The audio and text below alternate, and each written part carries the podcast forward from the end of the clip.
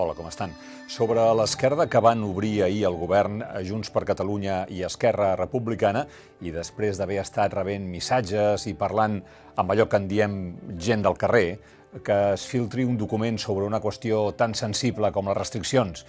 en un moment tan fotut per tanta gent, emocionalment i econòmicament, després de la història de la web amb les ajudes als autònoms de la setmana passada,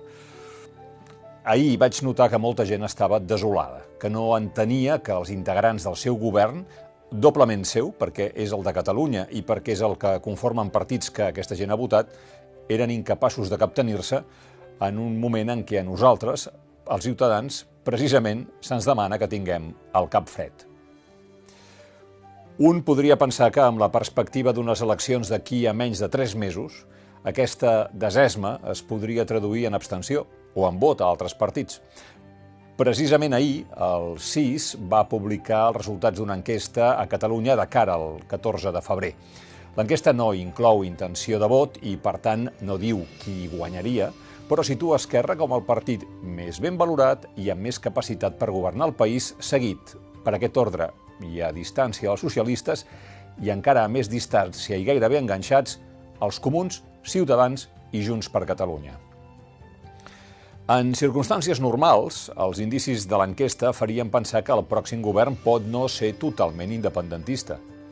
Però ja fa temps que no som en circumstàncies normals i el temps que falta fins al 14 de febrer és una eternitat al món digital del segle XXI i el de la pandèmia. Per exemple, està per veure si el govern espanyol decidirà sobre els indults dels presos polítics abans de la data de les eleccions, que sembla que sí que podria prendre la decisió perquè el Tribunal Suprem ha d'emetre un informe eh, preceptiu i ho farà al desembre, ho farà el mes que ve. No serà fàcil eh, que el govern espanyol eh, es pronunciï a favor dels indults, eh, no serà fàcil jurídicament, perquè vostès ja es poden imaginar, per exemple, què en pensen els fiscals, ni serà fàcil políticament perquè el govern de Sánchez mm, li plouran crítiques de tot arreu i ja veurem si serà capaç d'aguantar la tirada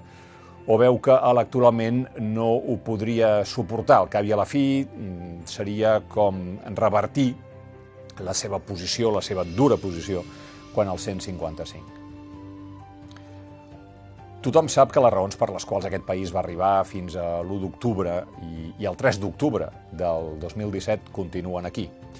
i si Catalunya ha passat a ser un, un subjecte eh, polític i informatiu al món és perquè cada cop que s'han obert les urnes l'independentisme ha jugat al partit i sovint l'ha guanyat. Les raons, doncs, continuen existint. Ara el que no sabem és quina expressió electoral tindran aquestes raons. Molta gent pensarà,